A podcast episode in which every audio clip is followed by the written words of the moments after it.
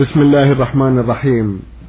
الحمد لله رب العالمين والصلاة والسلام على سيد المرسلين سيدنا محمد وعلى آله وصحبه وسلم. مستمعي الكرام سلام الله عليكم ورحمته وبركاته وأسعد الله أوقاتكم بكل خير. هذه حلقة جديدة في برنامجكم اليومي نور على الدرب. قضاياكم في هذه الحلقة نعرضها على سماحة الشيخ عبد العزيز بن عبد الله بن باز الرئيس العام لإدارات البحوث العلمية والإفتاء والدعوة والإرشاد. نرحب في بداية لقائنا مع سما بسماحة الشيخ ونبدأ على بركة الله. فأهلا وسهلا. حياكم الله وبارك حياكم الله.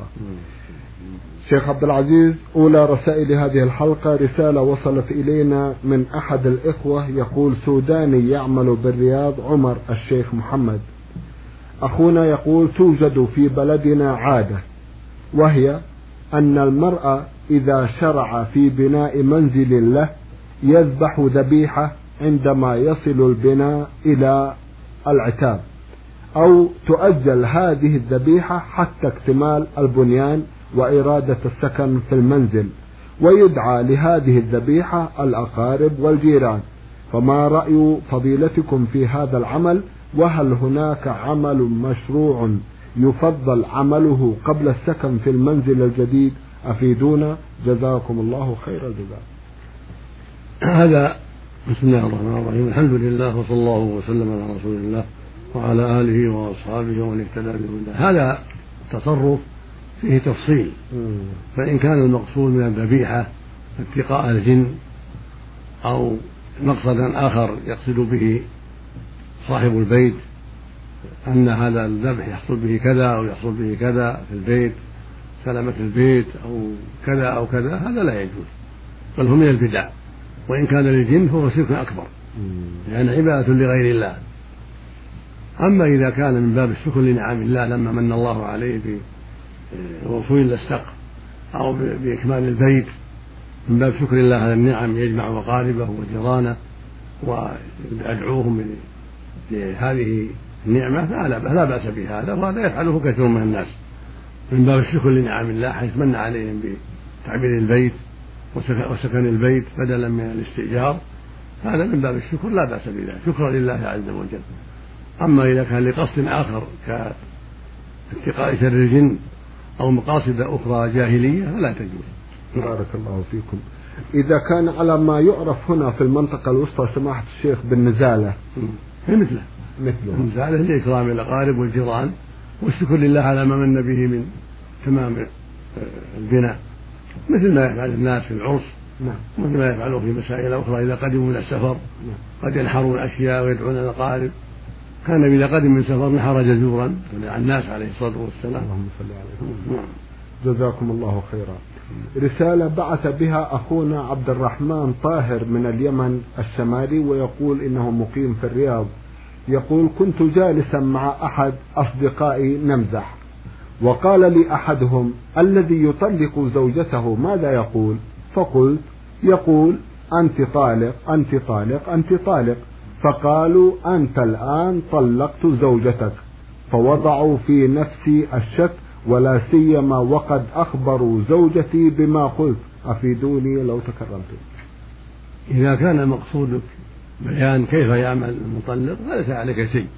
ولا يعتبر منك طلاق. إذا كان المقصود من هذا الكلام أنك تبين لهم كيف يطلق من أراد الطلاق. هذا ليس ليس عليك منه شيء. ولكنك غلطت في تكرار الطلاق في هذا التعليم. يكفيه مرة واحدة. يقول أنت طالق ويكتفي بهذا ولا يكرر هذا هو المشروع. ولا يجوز تكرره ثلاثا لأن هذا سد لباب اليسر. الله جل وعلا جعل الطلاق مرتبا واحدة ثم اثنتين ثم ثلاث. حتى لا يضيق الأمر على الزوج. قد يطلقه واحدة ثم يحب أن يرجع فيكون له مجال في الرجوع. ويطلق اثنتين فيحب أن يرجع فيكون له مجال في الرجوع. فإذا طلقها الأخيرة انتهى. لم تحل له حتى تنكح زوج غيره. فأنت علمته الطلاق الذي يحرمها عليه فليس الأمر كما قلت. ولكن السنة أن يطلق واحدة. تقول السنة للرجل قال الطلاق يقول أنت مطلقة أنت طالق أو فلانة طالق. هذا هو المشروع مرة واحدة فقط. وبكل حال فأنت ليس عليك شيء. ما دمت أردت بذلك البيان.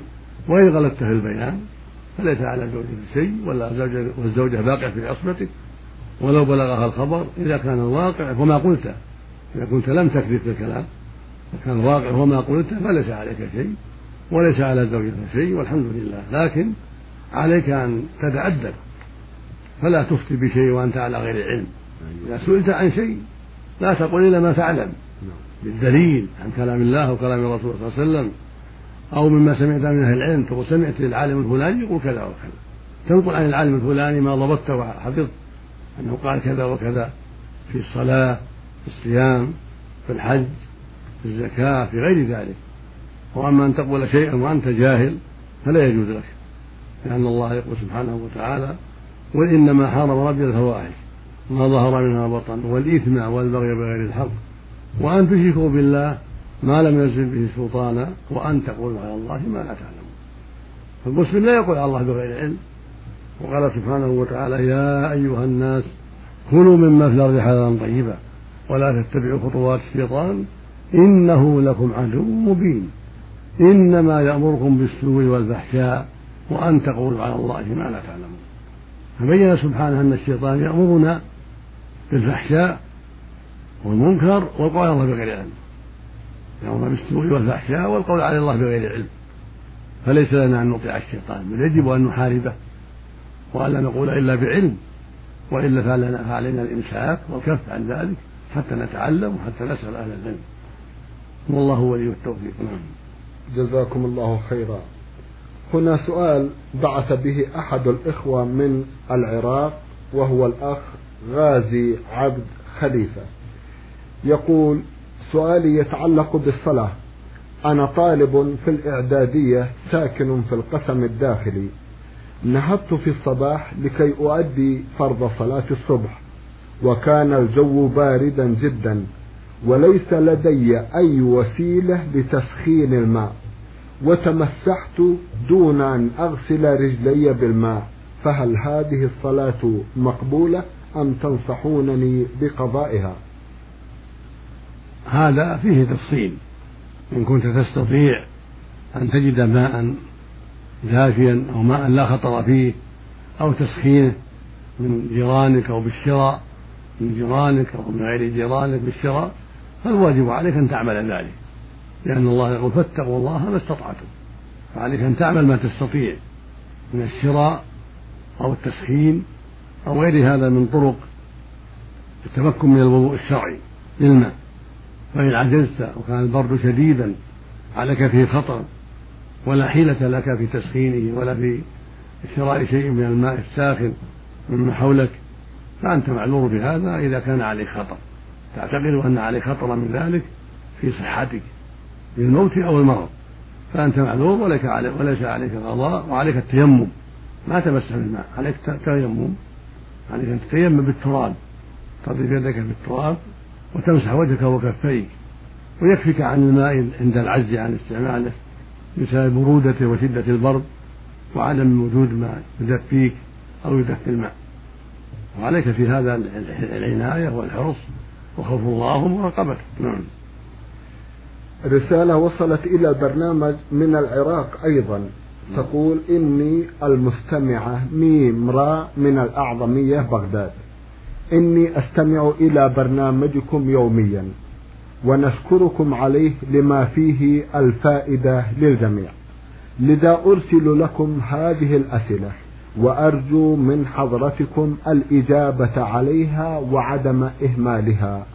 والسؤال الأول هو أنني قبل أربعين عاما كنت مشغولة في أمور البيت فقلت لابني أن يحبس الدجاج في التنور لكي أتخلص من إزعاجه لأنني كنت أشتغل ونسيت أن التنور حار لأنني خبزت به قبل يوم. فمات الدجاج وأنا غير متعمدة فهل علي إثم وهل علي كفارة؟ أفيدوني جزاكم الله خيرا. ليس عليك شيء. ما دمت لم تعمدي قتله بغير حق بهذه الطريقة وإنما هو سهو ملك وغلط ليس عليك شيء. والحمد لله نعم. بارك الله فيكم. أسئلتها بسيطة لكن رجتنا ألا نهمل آه، رسالتها سماحة الشيخ. تقول أيضا إن زوجي حلف بالطلاق. إذا لم ترجع إذا لم ترجع أخته الدينار لصاحبه ولكن أخته لم ترجعه وأخذته وفي المرة الثانية كان الأمر كذلك. فماذا يكون الحكم؟ هذا فيه تفصيل. إن كان قصد بذلك إيقاع الطلاق إن لم ترجع الدينار وقع طلق على زوجته. بذلك وله مراجعتها ما دامت العدة إذا كان ليس قبل ذلك طلقتان وإن كان أراد التشديد عليها وتخويفها ولم يرد إيقاع الطلاق فلم تفعل فعليه كفارة اليمين. لأن هذا في حكم اليمين وهي إطعام عشرة مساكين لكل مسكين نصف صاع من قوت البلد. يعني كيلو ونصف من قوت البلد من التمر أو الأرز أو غيرهما أو كسوتهم كسوة تجزئهم الصلاة كالقميص لكل واحد. أو عتق رقبة مؤمنة. فإن عجز وكان فقيرا لا يستطيع صام ثلاثة أيام. يكفي ذلك. هنا رسالة باعثها أحد الإخوة يقول حامد فرهان من جدة. أخونا يقول رجل تاب إلى الله عز وجل وعنده فيديو وأشرطة أفلام خليعة. فهل يجوز له بيعها؟ وإذا كان لا يجوز بيعها فماذا يعمل بها؟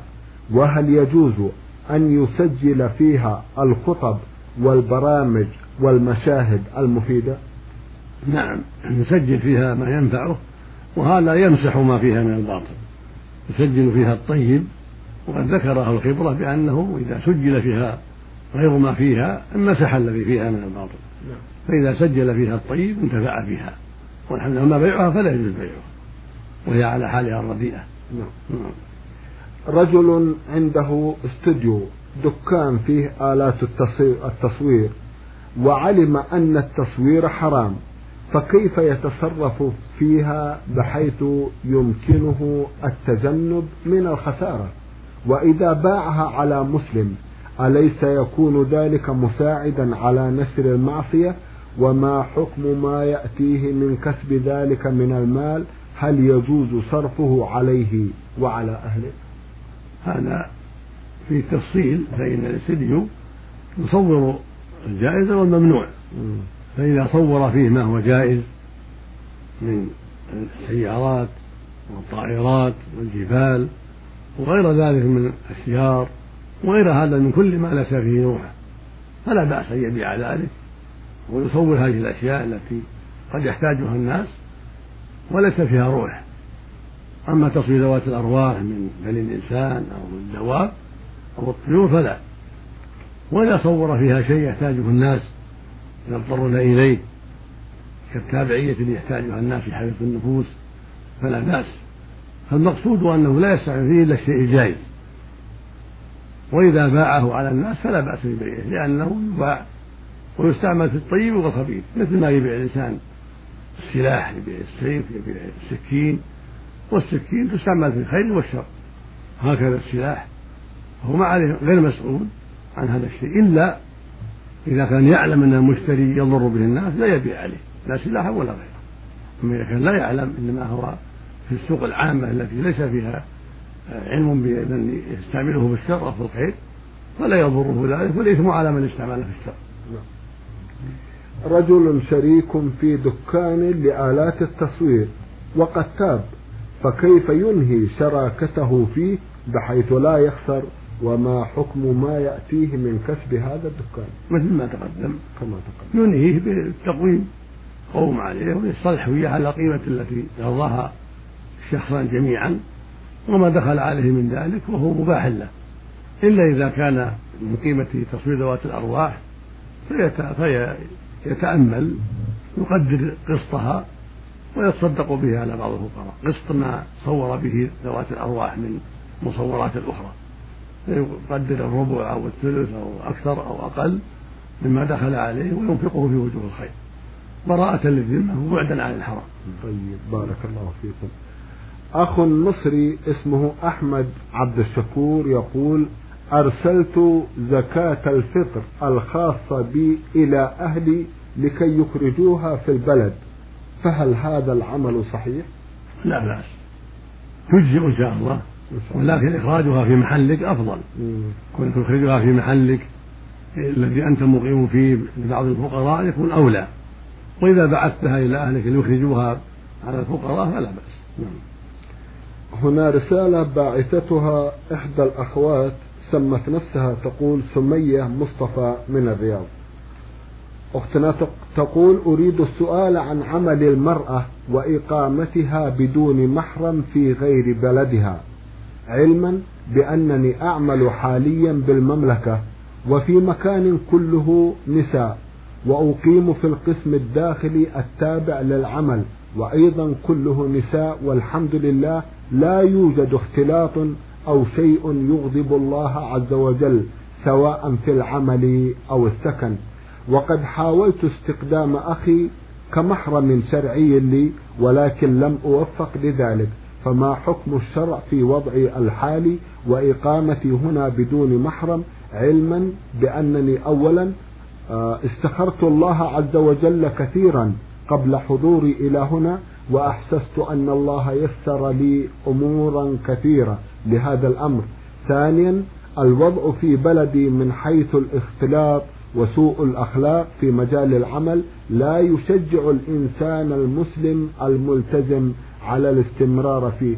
على ضوء ما ذكرت لكم أرجو الفتوى الصحيحة وعمدوني بما ترون. وفقكم الله. والسلام. نسأل الله لنا ولك التوفيق. وصلاح الحال. أما هذا الذي فعلت فلا بأس به. إقامة المرأة في بلد بدون محرم لا لا ضرر فيه ولا حرج فيه. ولا سيما إذا كان ذلك لا خطر فيه. فإذا كانت بين النساء أو في عمل مصون عن الرجال مما أباح الله عز وجل أو في قسم داخل للنساء بين النساء فكل هذا لا حرج فيه. إنما الممنوع السفر. لا تسافري إلا بمحرم ولا تقدمي إلا بمحرم. فإذا كنت قدمت من بلادك بدون محرم فعليك التوبة إلى الله والاستغفار وعدم العودة إلى مثل هذا. وإذا أردت السفر فلا بد من محرم. واصبري حتى يأتي المحرم. لقوله لقول النبي صلى الله عليه وسلم لا تسافر امرأة إلا مع ذي محرم. وقد يتيسر المحرم من جهة الأقارب أو بالزواج يكون لك زوج تزوجي ويكون زوجك محرما لك في السفر. الأمر بيد الله. فعليك أن تعملي ما تستطيعين عند السفر حتى يحصل المحرم. وأما إقامتك الآن بين النساء في عمل مباح فلا حرج فيه والحمد لله. بارك الله فيكم. قضية الحاجة إلى عمل المرأة في مكان معين سماحة الشيخ وقضية محرمها قضية آه، لعل لسماحتكم فيها وجهة نظر ونصيحة. ماذا تقولون لو تكرمت؟ لا ريب أنها أن هذا عمل خطير وأن مجيء النساء بدون محارم فيه خطر وفتنة فالذي ننصح أخواتنا في الله الحذر من ذلك وألا يقدمن إلا بمحارم. وننصحهن أيضا بالحذر من الاختلاط مع الرجال والعمل مع الرجال أو الخلوة بالرجال وأن تخلو برجل ليس محرما لها. كل هذا ما يجب الحذر منه سواء كان في المستشفيات أو في غير المستشفيات. ونصيحتي للجميع ألا يقدم امرأة إلا بمحرم وألا تسافر إلا بمحرم وألا تعمل بين الرجال وألا تخلو بأي رجل من غير محارمها لأنه طريق للفتنة والرسول صلى الله عليه وسلم منع ذلك وحرمه وقال لا يخلون رجل امرأة فإن ثالثهم الشيطان. المقصود من هذا أن الواجب على المرأة وعلى أوليائها الحرص على سلامة العرض والبعد عن أسباب الفتنة وأما العمل فلا بأس أن تعمل بين النساء ممرضة أو خياطة أو خادمة أو غير ذلك في عمل مباح لا يضر دينها ولا يسبب فتنة مع الرجال. والله المستعان. نعم. في بعض الأحيان تقول يحدث أنني أنسى أثناء الصلاة وأقرأ آية مكان آية أخرى أو أقرأ كلمة خطأ. ثم أتذكر ذلك أثناء الركوع أو السجود أو بعد الصلاة. فما الحكم في ذلك؟ وماذا أفعل؟ وهل أعيد الركعة أم لا؟ الفرض في هذا هو الفاتحة. فإذا قرأت الفاتحة وهي الحمد سورة الحمد حصل المقصود والحمد لله. فإذا قرأت زيادة آية أو آيتين أو قرأت آية بدل آية أو نسيت آية وأتيت بآية أو نقص منك كلمة لا يضر لا, لا يضرك وصلاتك صحيحة وليس عليك إعادة ركعة ولا إعادة الصلاة والحمد لله. بل صلاتك صحيحة ولكن عليك أن تجتهدي فيما تيسر لك من قراءة بعض الآيات مع الفاتحة في الركعة الأولى والثانية من الظهر والعصر والمغرب والعشاء وهكذا في الفجر. أما الثالثة من المغرب والثالثة والرابعة من الظهر والعصر والعشاء يكفي الفاتحة والحمد لله. نعم. بارك الله فيكم. إذا توفر مجموعة من النساء في مكان واحد فهل تجب عليهن صلاة الجماعة؟ وهل هناك إثم إذا صلت كل واحدة بمفردها ولم يصلين جماعة؟ لا حرج في ذلك ولا تجب عليهن الجماعة الجماعة من إخصاص الرجال وجوبها في حق الرجال. أما المرأة فليس عليها جماعة لكن لو صلينا جماعة فلا حرج. لو صلينا جماعة وصلت بهن إحداهن ولا سيما من لها بصيرة وعلم حتى تعلمهن وحتى ترشدهن هذا طيب هذا مستحب. قد روي عن أم سلمة وعائشة أنهما صلتا ببعض النساء فالحاصل أنه إذا وجد فيهن امرأة قارئة معلمة تفيدهن وصلت بهن هذا طيب مشروع للتعليم كيف تصلي المراه كيف تركع كيف تطمئن. كيف تخشع في صلاتها وتكون إمامتهن بينهن في وسط في وسطهن. لا تقدم بل تكون في وسطهن. وتجهر بالقراءة في المغرب والعشاء والفجر كالرجل حتى يستفيدن منها. وإذا رأت منهن شيء من الخلل علمتهن وتعظهن وتذكرهن إذا كان عندها علم هذا شيء مطلوب. لكن لو لم يصلين جماعة فلا حرج. ولو كنا موجودات في البيت الواحد إذا صارت كل واحدة وحدها فلا حرج. هذه رسالة من أخونا عبيد الله خليفة البلادي من خليص أخونا يسأل مجموعة من الأسئلة من بينها سؤال عن الآية الكريمة إنما يخشى الله من عباده العلماء. حبذا لو فسرتم لنا هذا الجزء من هذه الآية الكريمة. هذا ثناء من الله سبحانه على العلماء وبيان لعظم منزلتهم ولعظم فضلهم على الناس والمراد بذلك العلماء بالله علماء الشريعة علماء القرآن والسنة الذين يخافون الله ويراقبونه هم المراد هنا. يعني الخشية الكاملة. إنما يخشى الله يعني الخشية الكاملة. خشيتهم أكمل من خشية غيرهم. وإلا فكل مؤمن يخشى الله. كل مسلم يخشى الله.